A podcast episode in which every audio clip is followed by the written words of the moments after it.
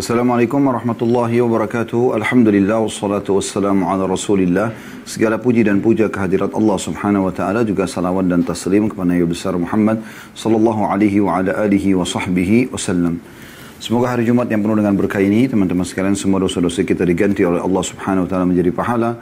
Seluruh yang masih kurang dari amal-amal kita disempurnakan dan diterima dengan pahala yang sempurna serta semoga yang masih menghadapi masalah-masalah apa pun dalam hidupnya, penyakit, kekurangan harta, terlilit utang, dan yang lainnya, Allah subhanahu wa ta'ala berikan jalan keluar di hari yang berkah ini, serta juga semoga Allah subhanahu wa ta'ala menyatukan kita semua di surga Firdausnya tanpa hisab, semua yang disatukan sebagaimana disatukan dalam majlis ilmu yang mulia ini. Mari kita ikhlaskan niat kita teman-teman sekalian, karena Allah subhanahu wa ta'ala ingin menuntut ilmu syar'i, semoga ini menjadi tambahan amal saleh buat kita semua. Menunjukkan pada buku kita Sahih At-Targhib Tarhib dan kita masih dalam kitab sedekah ya, bab ketiga yaitu anjuran bekerja mengurusi zakat dalam kurung dan sedekah dan ancaman melakukan penyelewengan dan pengkhianatan padanya dan anjuran untuk tidak berpartisipasi bagi yang tidak yakin bisa menjaga diri dan keterangan tentang orang-orang yang memungut pungli, upeti dan penanggung jawab urusan masyarakat. Ini judulnya memang cukup panjang kita akan langsung masuk membaca hadis yang pertama di dalam bab ini dengan sanad Hasan Sahih urutan 773 dari awal belajar berbunyi dari Rafi ibn Khadij radhiyallahu anhu dia berkata aku mendengar Rasulullah sallallahu alaihi wasallam bersabda al-amilu 'ala as-sadaqati bil haqqi liwajhi Allah azza wa jalla qal gazi bisabilillah hatta yarji'a ila ahli amil atau orang yang mengurus zakat dengan benar karena wajah Allah Subhanahu wa taala ikhlas adalah seperti orang yang berperang di jalan Allah sehingga dia pulang kepada keluarganya. Hadis ini diriwayatkan oleh Ahmad dan lafaz adalah milik Imam Ahmad juga diriwayatkan Abu Dawud, Tirmidzi, Ibnu Majah dan Ibnu Khuzaimah dalam sahihnya dan Tirmidzi mengatakan hadis hasan. Al-hadith ini atau hadith ini teman-teman dikuatkan atau mirip dengan hadith yang setelahnya. Saya langsung bacakan saja. Agak mirip sedikit lafadznya. Yaitu hadith kedua dengan sanad hasan di ghairihi. Menjadi hasan karena dikuatkan dengan riwayat-riwayat yang lain. Dan urutan 774 dari awal belajar berbunyi. Diriwayatkan pula oleh At-Tabarani dalam Mu'jamul Kabir dari Abdurrahman ibn Auf radhiyallahu anhu dan lafadznya bahwasanya Rasulullah sallallahu alaihi wasallam bersabda, "Al-'amilu idza istu'mila fa akhadha al-haqq wa 'ata al-haqq lam yazal kal mujahidi fi sabilillah hatta yarji'a ila baiti." Seseorang amil yang dipekerjakan lalu dia mengambil yang benar dan memberi yang benar adalah senantiasa seperti seorang yang berjihad di jalan Allah sehingga dia pulang ke rumahnya.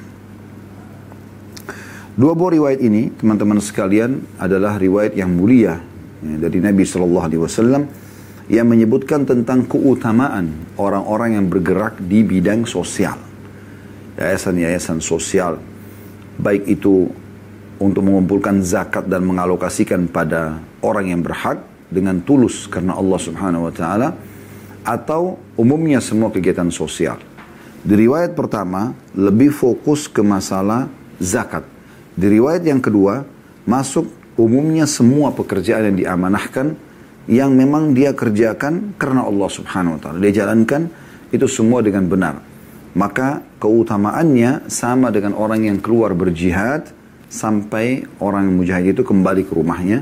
Ya, berarti juga sama dengan orang ini sampai dia pulang dari uh, menjalankan misi dan visi daripada program sosial tersebut. Apakah itu mengalokasikan di wilayah-wilayah yang sedang bencana atau misalnya membagi-bagikan zakatnya atau menjalankan uh, paket buka puasa, membagikan sembako dan segala macam kegiatan-kegiatan tersebut. Jadi pelajaran pertama yang bisa diambil dari hadis ini adalah uh, keutamaan orang yang bergerak di bidang sosial, ya. Dan ini dalil bisa digunakan oleh yayasan-yayasan sosial yang sangat jelas, gitu kan bahwasanya ada anjuran dari Nabi SAW untuk mereka mengumpulkan sedekah, zakat, ya, membuat program-program sosial, kemudian mereka membantu umat ini untuk bisa mengalokasikan ke pihak-pihak yang paling berhak untuk mendapatkan itu. Sehingga mereka, ya, para orang yang menjadi donatur, mendapatkan alokasi yang tepat dari harta yang mereka sedang sumbangkan. Dan orang-orang yang bekerja di lembaga-lembaga ini walaupun mereka memiliki gaji yang kecil misalnya 2 juta, 3 juta, 4 juta per bulan gitu kan yang cukup untuk menopang kehidupan dia dengan keluarganya tetap akan panen semua ya jumlah yang sudah dia bagikan. Misalnya dia membagikan zakat senilai satu miliar dia yang menjadi yang mengalokasikan di lapangan. Kalau dia ikhlas karena Allah, walaupun gaji dia cuma 5 juta per bulan atau 3 juta per bulan, dia mendapatkan pahala sama dengan para donatur yang menyumbangkan satu miliar tersebut. Lebih banyak yang dialokasikan, lebih banyak juga dia dapatkan. Karena dia menjadi penyambung daripada para donatur-donatur tersebut. Dan ini keutamaan yang sangat besar sekali. Ya, jadi dari sini kita bisa uh, apa namanya termotivasi untuk bisa menjadi ya uh, donaturnya yayasan tersebut sehingga teralokasikan dengan benar dan juga menjadi pegawai-pegawai atau orang-orang pemilik dari yayasan-yayasan tersebut yang akhirnya mengalokasikan dengan benar ya apa yang diamanahkan kepada mereka.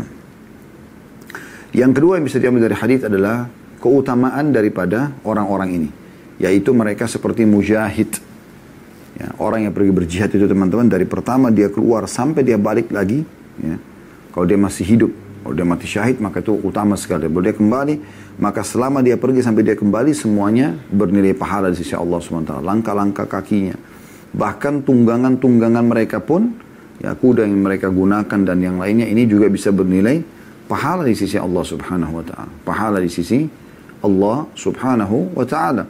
Ya, ini pahala yang sangat besar. Ya. Jadi teman-teman yang terjun ke lokasi banjir, longsor, ya, bencana alam secara umum, atau sengaja mencari kantong-kantong orang miskin, gitu kan? Banyak sekali di negara kita ini mudah untuk kita dapatkan, ya apalagi di ibu kota tidak sulit untuk mendapatkan orang-orang yang susah. Hampir setiap hari kami menyaksikan ada bapak, ada ibu yang sudah tua menarik gerobak, mengumpulkan Eh, sampah-sampah yang dari orang-orang yang mungkin masih dianggap bisa, bisa, bisa masih bisa dimanfaatkan. Mereka mengumpulkan, lalu mereka mencari rezeki dari situ. Subhanallah, bahkan mereka sudah tidak peduli lagi dengan penampilannya gitu kan. Karena susahnya hidupnya. Ini kesempatan.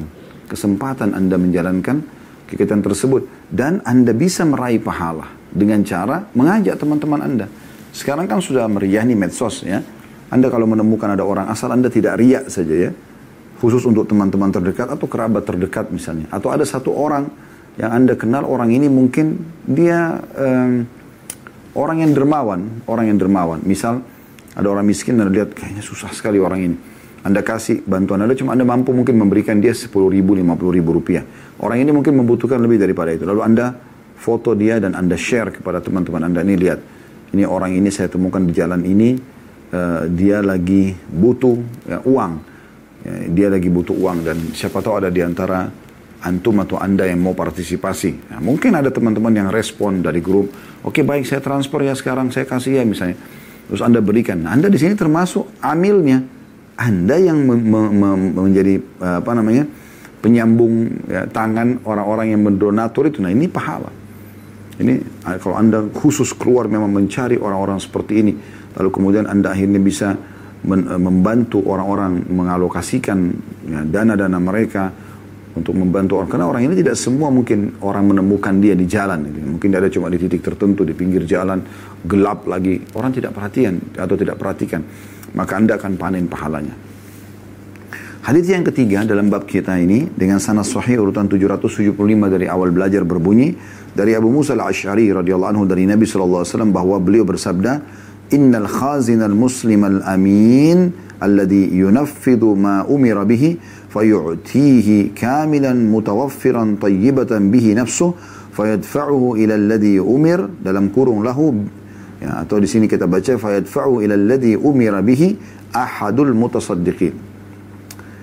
Terjemahannya diriwayatkan oleh Bukhari Muslim dan Abu Daud.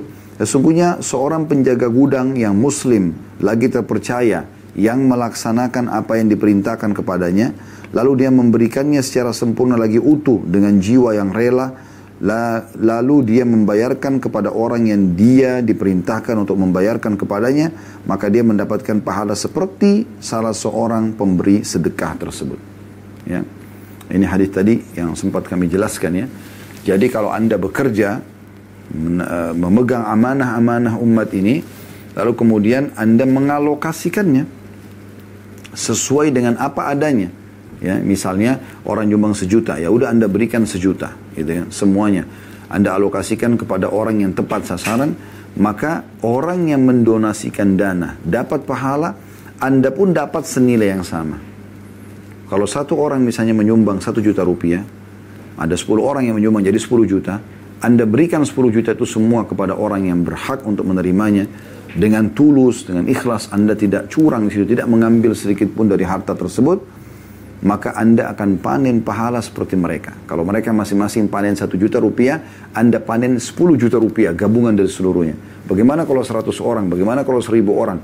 Terus bisa kita panen pahala dari perbuatan yang baik ini. Perbuatan yang baik ini. Jadi bisa kita mengajak orang untuk berbuat kebaikan. Kalau Anda mengatakan, tapi kan Ustaz saya khawatir ria. Ya udah kalau Anda khawatir jangan. Makanya di judul sini dikatakan, anjuran bekerja mengurus zakat atau sedekah dan ancaman melakukan penyelewengan dan pengkhianatan pada ini judulnya. Lalu beliau mengatakan dan anjuran untuk tidak berpartisipasi bagi yang tidak yakin bisa menjaga diri. Ya. Jadi ada anjurannya kalau anda ya khawatir nanti saya riak, ya udah anda tidak usah. Tapi kalau anda bisa kontrol diri dan saya katakan tadi bukan anda publish sehingga terlalu terbuka misalnya, kecuali anda lembaga resmi ya. Kalau anda individu mungkin kepada orang-orang yang dikenal saja sehingga bisa ya partisipasi. Ini satu hal yang baik gitu. Ya, jadi kita ambil pelajaran di sini dari hadis ini bahwasanya orang yang bekerja ya di satu lembaga kemudian dia menjalankan ya sesuai apa yang diamanahkan kepada dia dari uang-uang zakat, uang sedekah ini, maka dia akan panen pahala seperti para donaturnya. Kemudian hadis yang keempat dengan sanad Hasan urutan 776 dari awal belajar dari Abu Hurairah radhiyallahu anhu dari Nabi sallallahu alaihi wasallam beliau bersabda, "Khairul kasbi kasbul 'amili idza nasaha." Sebaik-baik penghasilan adalah penghasilan amil jika dia ikhlas ya, dalam bekerja. Diriwayatkan oleh Ahmad dan rawi-rawinya semuanya thiqah atau terpercaya. Ya bagi teman-teman yang pegang buku, makna thiqah adalah terpercaya ya. Bisa ditulis dalam kurung dikasih terjemahan di situ.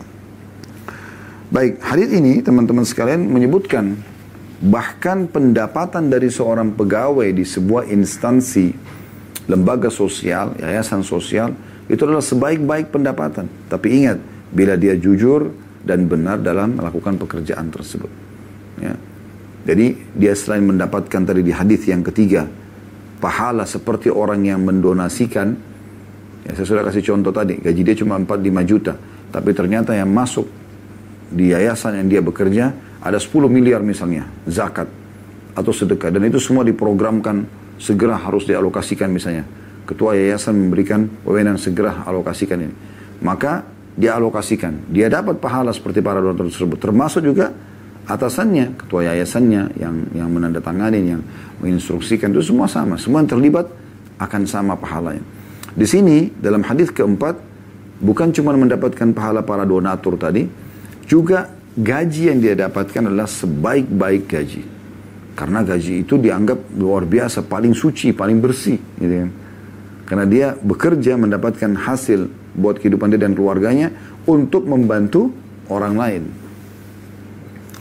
Hadis yang kelima dalam bab ini dengan sahih di ghairihi dan urutan 777 ya. Dari awal belajar berbunyi dari Sa'ad bin Ubadah radhiyallahu anhu bahwa Rasulullah sallallahu alaihi wasallam bersabda kepadanya, kum ala sadaqati bani fulan, wanzur an ta'tiya wanzur an ta'tiya yawm al-qiyamati bi bakri bi bakrin tahmiluhu ala atiq atikika aw ala kahilika lahu rugha'un yawm al-qiyamah." Qala ya Rasulullah, isrifha anni, fasarafaha anhu. Pergilah, kata Nabi SAW kepada Sa'ad bin Ubadah, urusilah zakat Bani Fulan. Dan berhati-hatilah, jangan sampai pada hari kiamat kamu membawa unta muda yang kamu pikul di pundak atau punggungmu. Dan ia bersuara pada hari kiamat. Lalu saat menjawab, Ya Rasulullah, jauhkanlah tugas itu dariku. Maka Rasulullah SAW mengalihkan tugas itu darinya kepada orang lain. Hadis ini diriwayatkan oleh Ahmad, juga Al-Bazzar, At-Tabarani, dan juga rawi-rawi Ahmad adalah thiqah atau terpercaya. Demikian pula hadis yang keenam mirip dengan ini ya. Dengan sanad sahih urutan 778 dari awal belajar berbunyi juga diriwayatkan oleh Al-Bazzar dari Ibnu Umar radhiyallahu anhu dia berkata, "Ba'atha Rasulullah SAW Sa'ad bin Ubadah titik-titik fadzakara nahwahu." Bahwasanya Rasulullah SAW pernah mengutus Sa'ad bin Ubadah radhiyallahu anhu titik-titik maksudnya mirip dengan riwayat yang sebelumnya yang nomor 5 ya. Lalu dia menyebutkan sepertinya maksudnya seperti hadis itu. Hadis-hadis ini atau riwayat 5 dan 6 ini menunjukkan keutamaan Sa'ad bin Ubadah radhiyallahu anhu. Ini pertama.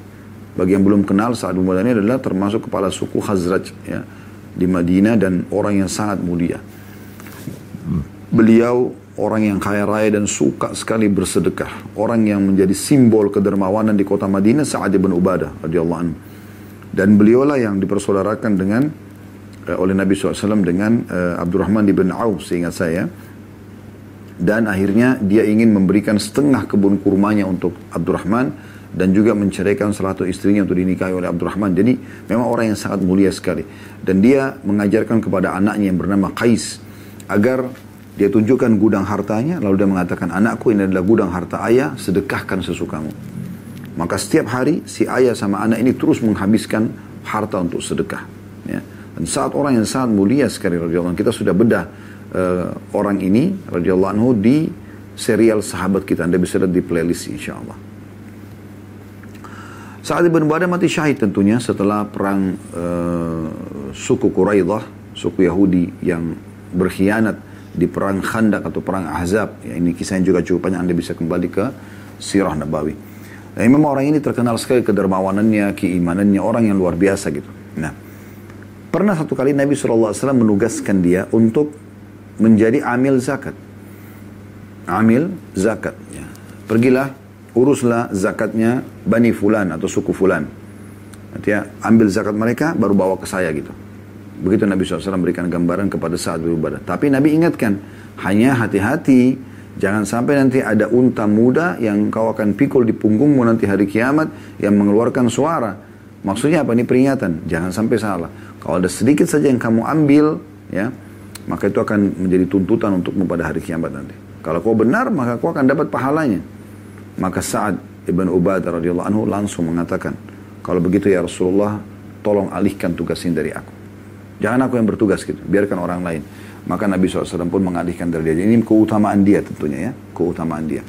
Kemudian yang kedua, yang bisa diambil pelajaran sesuai dengan judul bab kita ini, bagi orang yang merasa tidak mampu, khawatir dia lemah, dia lalai, Nah, dia berkhianat terhadap harta tersebut, jangan dia bertugas. Dia hindari, gitu kan. Jangan dia jadikan dirinya, oh ini karena keutamanya besar nih, kayak tadi Ustadz bilang, lalu kemudian dia langsung buru-buru buka yayasan, padahal sebenarnya dia pun tidak punya keahlian di situ. Sehingga terjadi pengkhianatan, ini jangan, gitu kan. Kalau dia mampu, dia bisa, dia coba terus menjaga ketulusannya, keikhlasannya, jalankan uang umat, maka itu tidak ada masalah. Nah, ini sesuai dengan judul di sini. Yang ketiga, kalau ada harta yang dikhianatkan, maka itu akan menjadi beban dan hukuman bagi orang mengkhianatinya pada hari kiamat nanti. Di sini digambarkan oleh Nabi Shallallahu Alaihi Wasallam tentang adanya unta muda yang mungkin karena kau lihat itu unta muda menarik itu, lalu kau bilang ini aku ambil aja deh, misal contoh, maka itu ya, sudah cukup untuk menjadi tuntutan untukmu pada hari kiamat nanti. Jadi ini harus hati-hati sekali. Baik kita masuk hadis ketujuh teman-teman sekalian dalam bab kita ini. Dan hadis ini adalah urutan 779 dari awal belajar ya. Berbunyi dari Abdullah bin Buraidah dari bapaknya radhiyallahu anhu majma'in dari Nabi sallallahu alaihi wasallam beliau bersabda, "Man ista'malnahu ala amalin farazaqnahu rizqa, fama akhadha ba'da dhalika fahuwa gulul." Hadis ini riwayat Abu Daud. Barang siapa yang kami pekerjakan dalam satu pekerjaan dan kami telah memberinya gaji, maka apa yang dia ambil setelah itu adalah gulul atau pengkhianatan atau penggelapan. Nah, jadi hadis ini memberikan gambaran kepada kita Kalau Anda sudah punya akad kerja di kantor, ya, maka dan sudah terima gaji, Anda harus tulus menjalankan pekerjaan Anda. Jangan Anda mengambil kesempatan justru, ya. Seperti misalnya pengadaan barang buat perusahaan. Anda sudah digaji, Anda bawa uang perusahaan ke vendor pembelian barang misalnya, ya, perlengkapan kantor kan misalnya atau apa saja. Lalu kemudian dapat diskon. Anda sengaja berkhianat sambil menyuruh yang punya toko misalnya membuat nota palsu. Diskonnya di, tidak ditulis ya dan harga apa adanya. Lalu dilaporkan ke kantor. Lalu Anda mengambil diskonnya. Ini pengkhianatan. Anda sudah digaji. Anda datang ke sana bawa uang perusahaan, bawa uang orang. Beda kasusnya kalau Anda datang membawa uang pribadi, Anda belanja sendiri buat kebutuhan Anda, itu lain. Diskonnya semua buat Anda. Tapi kalau Anda membawa Anda adalah pegawai perusahaan, pakai uang perusahaan, pakai uang orang lain maka berarti milik dia. Diskonnya, bonusnya, hadiah-hadiahnya semua punya dia. Pulpen kah, payung kah, baju kaos kah, buku kah, apa saja. Ya, berarti ini milik perusahaan, tidak boleh Anda mengambil. Itu dihitung pengkhianatan. Ya. Ini penting sekali. Termasuk banyak orang mengambil peluang-peluang dari perusahaannya. Misalnya dia lihat ada peluang nih. Diamanahkan dia oleh perusahaannya untuk ya uh, menemui misalnya atau duduk ikut meeting bersama dengan orang-orang gitu kan. Terus kemudian ternyata orang-orang ini punya kedudukan. Lalu dia mengambil kesempatan untuk justru ya uh, bekerja sama dengan orang tersebut di luar perusahaan. Padahal sebenarnya di sekarang dia kenal orang ini dari perusahaan tersebut. Bayangkan teman-teman begitu kacaunya perusahaan nanti kalau semua orang yang bekerja seperti ini keadaannya pasti akan kacau semuanya. Ya, pasti akan kacau semuanya. Karena nanti banyak sekali pengkhianatan yang terjadi gitu, tanpa disadari. Ya. Dan subhanallah syaitan di sini bermain sangat halus sehingga membuat seakan-akan tidak melakukan perbuatan yang salah. Jadi harus hati-hati. Ya. Cobalah teman-teman sekalian untuk memiliki sifat kana'ah dan kita sudah bahas di, di bab sebelumnya ya tentang masalah kana'ah merasa cukup. Eh, maaf, bukan di buku ini tapi di uh, Riyadus Salihin di hari Rabu ya jadi kita eh, apa namanya uh, sudah pelajari panjang lebar tentang sifat kana'ah, merasa cukup, bagaimana nanti Allah berkahi dengan kecukupan tersebut. Nah itu yang harusnya kita kedepankan dan bukan sifat tamak yang akhirnya membuat kita lalai dan tanpa kita sadari akhirnya jadi rusak semuanya tatanan hubungan kita dengan perusahaan yang sedang kita bekerja, atasan atau teman-teman di kantor atau selain atau seterusnya. Baik kita masuk langsung teman-teman sekalian uh, faedah daripada hadis ini haramnya orang mengambil lebih dari gaji dia kalau dia sudah punya akad kerja. Ya. Itu dianggap pengkhianatan atau penggelapan. Ya, ini tidak boleh dan sudah kami berikan contoh-contoh tadi. Ini pelajarannya. Hadis ke-8 dengan sanad sahih urutan 780 dari awal belajar berbunyi dari Ubadah bin Samit radhiyallahu anhu anna Rasulullah sallallahu alaihi wasallam ba'athahu ala sadaqah faqal ya Abul Walid ittaqillah لا تأتي يوم القيامة ببعير تحمله له رغاء أو بقرة لها خوار أو بقرة لها خوار أو شاة لها ثغاء Qala ya Rasulullah, inna dhalika laka dhalik. Qala, ih, walladhi nafsi biyadih. Qala, fawalladhi ba'athaka bilhaqi la ala syai'in abada. Bahwa Rasulullah SAW mengutusnya untuk mengurusi zakat. Yang diutus adalah Ubadah bin Samit radhiyallahu anhu. Khusus untuk mengurusi zakat, kumpulin zakat-zakat orang. Rasulullah SAW bersabda kepadanya, wahai Abu Abdul Walid, julukannya Ubadah bin Samit radhiyallahu anhu. Anaknya namanya Walid ya. Dipanggil Abul Walid. Wahai Abul Walid, bertakwalah kepada Allah. Hati-hati, takut kepada Allah. Jangan sampai kamu datang pada hari kiamat dengan memikul unta yang meraung, atau sapi yang melengu, atau domba yang mengembik. Lalu dia berkata, ya Rasulullah, apa apakah memang demikian? Rasulullah SAW mengatakan, ya demi zat yang jiwaku berada di tangannya. Maka dia berkata, demi zat yang mengutus anda dengan kebenaran, aku tidak akan bekerja menangani sesuatu untuk anda selama-lamanya. Maksudnya dalam masalah ini. Hadis ini diriwayatkan oleh ya, Tabarani dalam Mu'jamul Kabir dengan sanad yang sahih. Di sini teman-teman sekalian kita lihat keutamaan dari hadis yang pertama atau mutiara yang pertama tentang masalah keutamaan sahabat ini sendiri. Ubadah bin Samit radhiyallahu anhu. Ini mirip dengan ya kejadian Sa'ad bin Ubadah. Dan sudah kita jelaskan tadi di hadis yang sebelumnya 6 ya. Dan hadis 5 dan 6 bagaimana keutamaan Sa'ad bin Ubadah. Khusus dalam masalah yang sedang kita bahas adalah dia merasa khawatir tidak bisa menjaga amanah itu walaupun mereka adalah orang-orang yang sangat amanah, imannya sangat kuat, tapi khawatir terjerumus maka dia tinggalkan. Dan itu sesuai dengan judul bab yang kita bilang tadi. Kalau orang khawatir dirinya tidak sanggup untuk menjalankan amanah, jangan dia lakukan walaupun keutamaannya besar. Ya. Maka Nabi SAW ingatkan di sini Abu Bakar bin Samit sebagaimana Nabi SAW ingatkan saat beribadah tadi di hadis sebelumnya. Ya. Nabi SAW mengutusnya untuk mengumpulkan zakat atau sedekah dan mengingatkan bertakwa kepada Allah. Hati-hati. Ya. Jangan sampai kau datang hari kiamat membawa unta. Ya. Yang meraung atau sapi yang melengu atau domba yang mengembik. Karena yang dikumpulkan adalah zakat hewan pada saat itu. Maka jangan sampai nanti kamu pas lihat ada anak unta, ada anak sapi atau ada anak ya e, domba yang menarik ya. Lalu kemudian kamu sisihkan buat dirimu, hati-hati. Dan nanti itu akan datang pada hari kiamat. Kau akan bertanggung jawab. Maka kata Ubadah bin Samit, ya Rasulullah, apakah begitu hukumannya? Kata Nabi SAW, iya.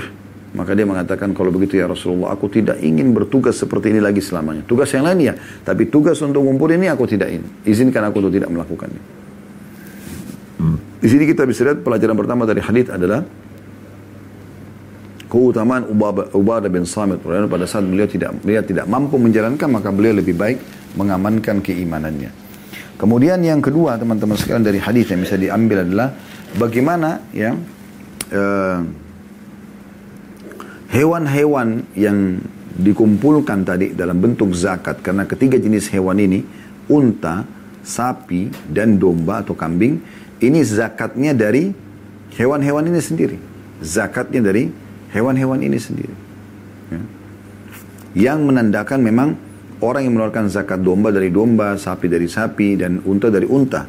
Ya, jadi bukan dalam bentuk uang, fisik hewannya gitu. Selain daripada hewan-hewan ini, kalau ada yang memiliki eh, peliharaan, kalau itu memang dikomersialkan, maka yang dimasukkan adalah nilainya.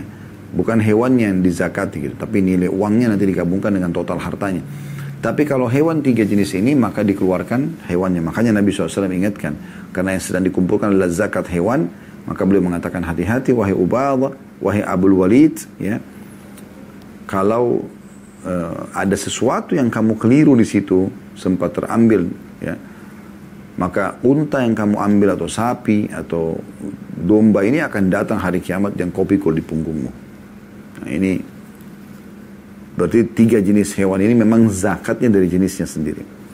Kemudian pelajaran yang ketiga dari hadis adalah anjuran untuk memanggil seseorang dengan kunianya panggil dengan nama anaknya ya. Seperti di sini Ubadah bin Samit namanya anak laki-laki paling tuanya atau paling besar dari anak laki-laki namanya Walid dipanggil Abul Walid. Kalau anak anda yang pertama namanya Abdullah dipanggil Abu Abdullah misalnya. Kalau istri anda Ummu Abdullah ya seperti itulah. Dan ini bagian daripada yang dianjurkan. Bahkan boleh memiliki kunyah walaupun belum punya anak karena Aisyah radhiyallahu anha pernah minta izin kepada Nabi SAW di, diberikan kunyah atau julukan Ummu Abdullah artinya kalau dia punya anak dia akan namakan Abdullah walaupun belum punya dan Nabi SAW izinkan masalah itu. Selanjutnya hadis nomor 9 ya. Dengan sanad sahih urutan 781 dari awal belajar berbunyi dari, berbunyi dari Adi bin Umairah radhiyallahu anhu dia berkata, saya mendengarkan Rasulullah SAW bersabda, "Man ista'malnahu minkum ala amal fakatamana mikhyatan fama fawqa kana gululan ya'ti yawmal qiyamah." فقام إليه رجل أسود من الأنصار كأني أنظر إليه فقال يا رسول الله اقبل عني عملك. قال وما لك؟ قال سمعتك تقول كذا وكذا. قال وأنا أقوله الآن من استعملناه منكم على عمل فليجئ بقليله وكثيره فما أوتي منه أخذ وما نهي عنه انتهى.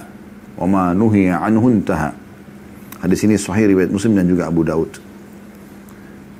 Artinya, barang siapa kata Nabi SAW yang, barang siapa dari kalian yang kami pekerjakan untuk mengurusi satu pekerjaan, lalu dia menyembunyikan jarum dari kami atau yang lebih kecil darinya.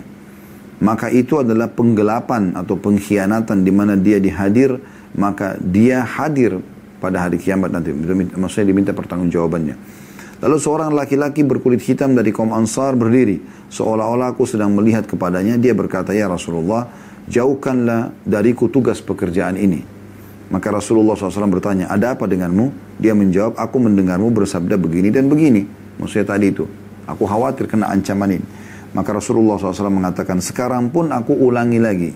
Barang siapa yang kalian dari kalian yang kami pekerjakan untuk satu pekerjaan, Nah, hendaklah dia menyerahkan semuanya kecil dan besar apa yang diberikan kepadanya daripadanya dari orang yang dia kumpulkan.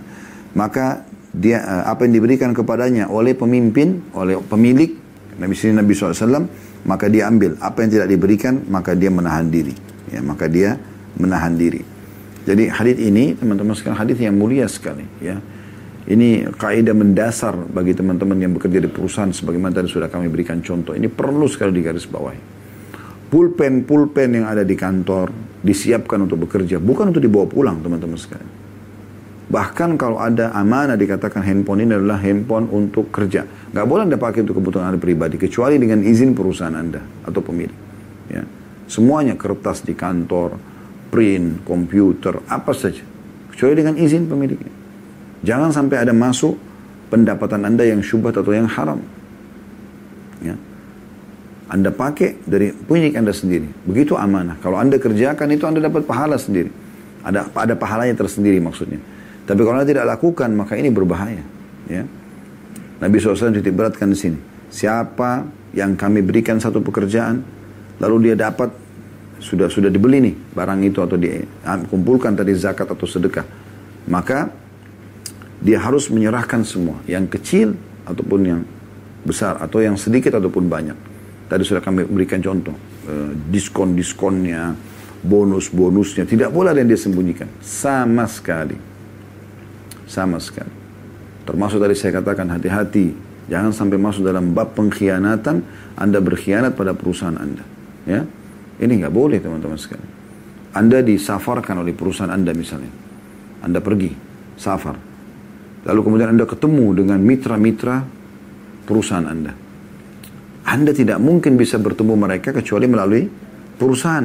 Berarti Anda mengatasnamakan perusahaan. Jangan Anda tunggang itu menjadi kesempatan. Jadi karena Anda sudah kenal mereka akhirnya ya Anda malah mengambil nomor teleponnya lalu kemudian berbisnis di belakang segala macam. Ini kan tidak tidak tidak tidak etis gitu karena Anda harus memahami. Tidak mungkin Anda bertemu dengan mereka kalau bukan karena perusahaan Anda. Gitu kan? Ini penting. Karena akan sangat kacau sekali. Sekali lagi, kalau perusahaan-perusahaan memiliki banyak pegawai seperti ini yang memang dia mencoba melihat peluang-peluang gitu. Ah ini orang punya kedudukan nih, punya banyak mitra-mitranya perusahaannya. Ya. Kemudian dia mulai berkhianat, dia mulai coba uh, mengajak untuk partisipasi dan segala macam. Berapa banyak terjadi di perusahaan begitu? Dia menguasai bidang tertentu atau memegang Eh, kepala bidang tertentu di salah satu sub uh, pekerjaan di perusahaan itu, lalu diizinkan oleh pemilik perusahaan untuk mendampingi, menemui misalnya para ya, investor dan seterusnya. Kemudian dia menginginkan ini adalah kesempatan buat saya. Tidak, saudaraku. Anda tidak akan mungkin kenal dia kecuali melalui pemilik perusahaan. Berarti memang itu adalah partner mereka. Ya. Tidak boleh Anda berkhianat gitu kan. Tidak boleh Anda. Mereka partner lain. Tidak boleh Anda bukan. Kalau Anda sudah keluar dari perusahaan tersebut, tidak ada hubungannya sama sekali. Dan Anda buat satu usaha, ternyata usaha yang Anda buat ini misalnya Anda buat catering, makanan atau apa.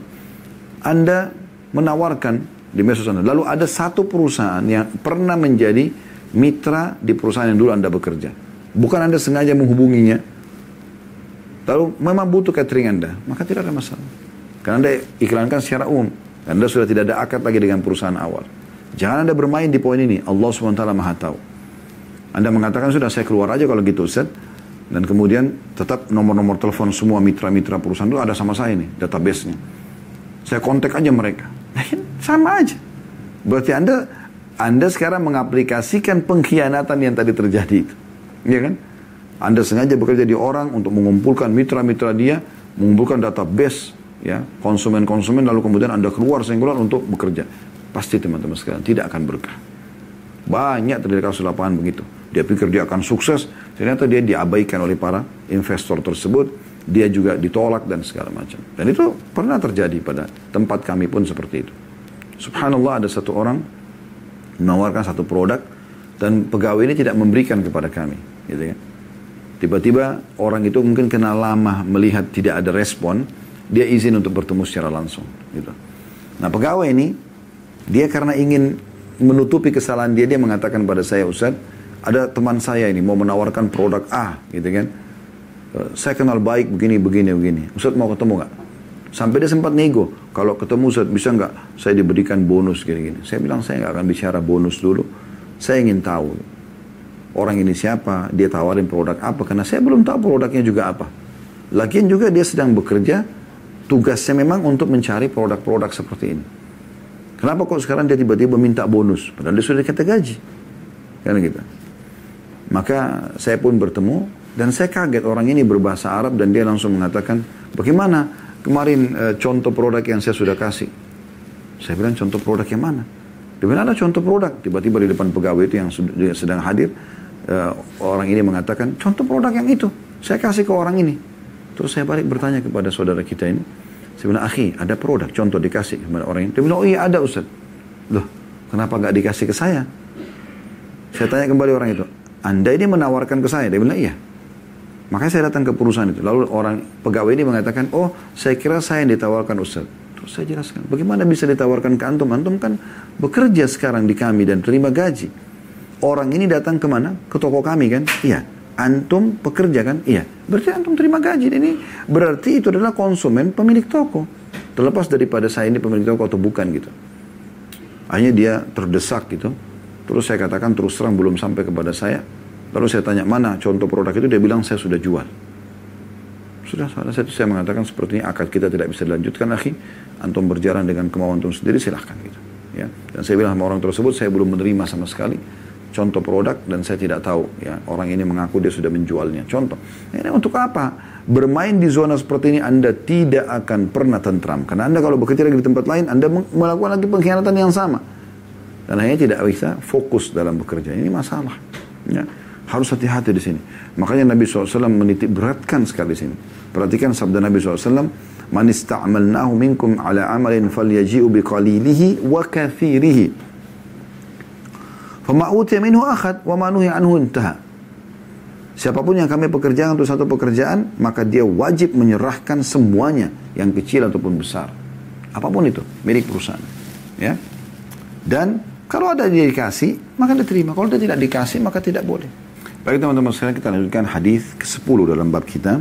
Dengan sanad sahih urutan 782 dari awal belajar yang berbunyi dari dari Abu Humaid As-Sa'idi radhiyallahu anhu dia berkata Istamala Nabi sallallahu alaihi wasallam rajulan min al-Azdi yuqalu lahu Ibnu Lutbiyah ala sadaqa qadima qala hadha malukum wa hadha uhdiya li فقال فقام الرسول الله صلى الله عليه وسلم فحمد الله وأثنى عليه ثم قال أما بعد فإني أستعمل الرجل منكم على العمل مما ولاني الله. فيأتي فيقول هذا مالكم؟ وهذه هدية أهديت لي. أفلا جلس في بيت أبيه وأمي حتى تأتيه هديته إن كان صادقا؟ والله لا يأخذ أحد منكم شيئا بغير حقه إلا لك الله يحمله يوم القيامة. فلا أعرفن أحد منكم فلا أعرفن أحدا منكم لك الله يحمل بعيرا له رغان. ولا بقرة ولا بقرة لها خوار. أو شاة تيعر أو تيعر. سأولاني أو شاة تيعر. ثم رفع يديه حتى روي, روي, رؤي بياض إبته يقول اللهم هل بلغت dalam kurung basura aini wa sami'a udhni Nabi SAW memperkerjakan, ini kata Abu Humaid As-Sa'idi radhiyallahu anhu beliau mengatakan, Nabi SAW pernah memperkerjakan seorang laki-laki dari suku Azdi yang biasa dipanggil dengan nama Ibnu Lutbiyah untuk mengurusi zakat. Ketika dia datang, dia berkata, ini adalah harta kalian dan ini dihadiahkan untukku. Maka kata lalu Nabi saat mendengar itu, ya, Nabi SAW berdiri Kemudian beliau memuji dan menyanjung Allah dan bersabda, Amma ba'd, maksudnya artinya dan selanjutnya. Sesungguhnya aku mempekerjakan seorang laki-laki di antara kalian untuk mengurusi pekerjaan yang dipercayakan oleh Allah kepadaku. Lalu dia datang dan berkata, ini adalah harta kalian dan ini adalah hadiah yang diberikan kepadaku. Mengapa dia tidak duduk di rumah bapak atau ibunya sampai hadiahnya datang kepadanya jika dia memang benar? Demi Allah, tidaklah salah seorang dari kalian mengambil sesuatu yang bukan haknya, melainkan dia bertemu Allah dengan memikulnya pada hari kiamat. Maka janganlah sampai aku mengetahui salah seorang dari kalian bertemu Allah dengan memikul unta yang meraung, tidak pula sapi yang melenguh, atau domba yang mengembik. Kemudian Rasulullah SAW mengangkat kedua tangan beliau sehingga putih ketiaknya terlihat sambil beliau bersabda, Ya Allah, apakah aku telah menyampaikan? Kata Abu Humaid, kedua mataku melihat ke, kepada Nabi SAW dan kedua telingaku mendengarnya. Hadis ini riwayat Bukhari, Muslim dan juga Abu Daud. Teman-teman sekalian, hadis ini hadis yang mulia, mirip dengan tadi dengan hadis yang kesembilan ya. Kalau tadi ya Nabi SAW secara umum mengingatkan siapa pun yang ditugaskan untuk menjalankan amanah-amanah dari Nabi SAW, maka mereka harus menyerahkan semua apa yang telah mereka terima. Dan sudah kita rincikan juga tadi contoh-contoh realita uh, bekerja di perusahaan di masa kita sekarang. Nah ini hadis yang mirip, hadis ke-10 tapi ini tentang pengumpulan zakat seseorang yang dari suku Azdi bernama Ibnu Lutbiyah yang diutus oleh Nabi SAW untuk mengumpulkan zakat. Nah ini langsung ini praktek lapangannya. Waktu tiba di Madinah, Ibnu Lutbiyah ini langsung mengatakan ini harta kalian ini zakat dan ini ada hadiah dikasih. Jadi waktu saya bertugas saya dapat ini, dikasih bonus gitu. Entah apa yang dikasih, apakah uang, apakah makanan, apakah pakaian, intinya ada yang dia sendirikan gitu. Lalu Nabi SAW langsung menanggapi masalah itu. Tidak menegur orang itu, tapi langsung menjelaskan sebuah hukum. Beliau berdiri, naik berdiri lalu menyanjung Allah SWT, memuji Allah. Ya, kemudian beliau mengatakan, kenapa ada orang yang kami tugaskan untuk mengumpulkan zakat atau satu pekerjaan. Lalu dia mengatakan, inilah harta kalian dan ini hadiah yang dihadiahkan untukku. Coba kata Nabi SAW, dia duduk di rumah kedua orang tuanya. Apakah hadiah itu akan datang kepadanya? Apa makna kalimat ini? Maksudnya, bonus yang didapatkan, hadiah yang didapatkan justru karena dia sedang bertugas kan. Jadi nggak boleh. Harus dia laporkan. Nah ini yang kita katakan tadi. Diskon dari vendor, ya hadiah-hadiah, sabun lah, baju lah, topi lah, apa saja. Itu punya perusahaan saudaraku, bukan punyamu. Ya, karena kau sedang membawa bendera perusahaan, kau sedang membawa uang perusahaan. Ini penting. Fahami baik-baik ini. Nabi SAW mengatakan, coba dia duduk di rumah orang tuanya, tidak bekerja sama kami. Datang gak hadiah itu? ya kan? Coba dia tidak bekerja perusahaan tersebut. Kenal nggak dia sama investor itu? Enggak kenal, gitu kan? Berarti hubungannya dengan perusahaan ini. Nggak boleh. Ini sudah kami jelaskan dari tadi, ya. Jadi jangan sampai terulang ini. Jangan meraih mencuri kesempatan dalam kesempitan atau kesempatan dari peluang yang Allah sedang amanahkan di pundak Anda. Anda bekerja dengan perusahaan tersebut, Anda jaga nama baik Anda, jaga nama perusahaan Anda, ya Allah SWT mengawasi Anda, Allah berikan pahala. Kalaupun sampai gol misalnya proyek tersebut, Anda cuma terima gaji, Anda nggak rugi sama sekali. Karena berapapun nilai proyek tersebut, Anda dapat pahalanya kan Anda penyebab kan. Bukan kata Nabi SAW sampai menjadi penyebab petunjuk terhadap kebaikan maka dia akan panen pahalanya? Nah itu jelaskan. Dari Nabi SAW sini menjelaskan realita lapangannya. Ini orang tadi yang mengaku ini nih, uang zakat yang saya kumpulin nih, dan ini yang dihadiahkan untukku. Langsung Nabi SAW berceramah lalu beliau mengatakan, kenapa ada orang yang mengatakan seperti ini? Kami tugaskan dan dia mengatakan ini adalah harta kalian dan ini adalah milikku. Kata Nabi SAW, coba dia duduk di rumah orang tuanya. Datang gak hadiah itu? Jelas tanda tanya sih. Jawabannya tentu tidak mungkin datang kepada dia, ya. Tidak mungkin datang kepada dia. Kalau dia tidak bekerja sebagai amil zakatnya Nabi SAW kan. Nah, tidak mungkin datang bonus itu, peluang itu kecuali karena Anda bekerja di perusahaan tersebut. Jadi tidak boleh. Tidak boleh sama sekali. Ini penting untuk digarisbawahi. Ya, kemudian Nabi SAW mengatakan, demi Allah, tidaklah salah seorang dari kalian mengambil sesuatu yang bukan haknya, melainkan dia bertemu Allah dengan memikulnya pada hari kiamat. Ya. Maka janganlah sampai aku ya, maka janganlah sampai aku mengetahui salah seorang dari kalian bertemu Allah dengan memikul unta yang meraung, sapi yang melengu, ataupun domba yang mengembik. Dan Nabi SAW tidak mau lihat itu dari para sahabatnya, tidak mau lihat itu dari umatnya. Jadi pelajaran eh, yang bisa kita ambil dari hadis yang baru saja kita sebutkan adalah bagaimana penjelasan realita pengkhianatan tersebut. Ya, yaitu orang kalau bekerja ya, dan dia mengatasnamakan seseorang atau perusahaan berarti dia terikat di sini. Dia tidak boleh mengambil kesempatan. Ya. Apakah itu bonus-bonusnya, hadiah yang diberikan. Ini hadiah loh ini. Jadi orang lihat pada saat Ibnu Lutbiyah, oh ini pegawainya Nabi nih, udah ambil aja nih, langsung dikasih duit. Itu nggak boleh. Nggak boleh. Kecuali Anda minta kehalalan dari pemiliknya. Ini penting sekali. Untuk apa Anda sibuk mengumpulkan ini semua tapi ternyata menjadi harta haram di tubuh Anda. Harta haram di perut dan di tubuh istri dan juga anak Anda. Ini masalah ini. Ada penyakit yang datang, ada keributan rumah tangga. Anda tidak sadar ternyata dari harta-harta haram seperti ini. Ya, minta kehalalannya. Ini fakta realita yang Nabi SAW sampaikan yang harus jadi pegangan kita. Karena orang ini jelas-jelas dia langsung bilang, ini zakat kalian, ini hadiah yang diberikan kepadaku. Maka Nabi SAW bilang, coba dia duduk di rumah orang tuanya, dapat nggak? Nggak mungkin. Nah kan gitu. Kalau Anda tidak kerja di perusahaan itu, Anda bisa ketemu nggak sama investor itu? Kan nggak mungkin. Atau Anda kenal vendor itu? Kan nggak mungkin. Nah ini semua. Berarti jelas Anda terikat di sini.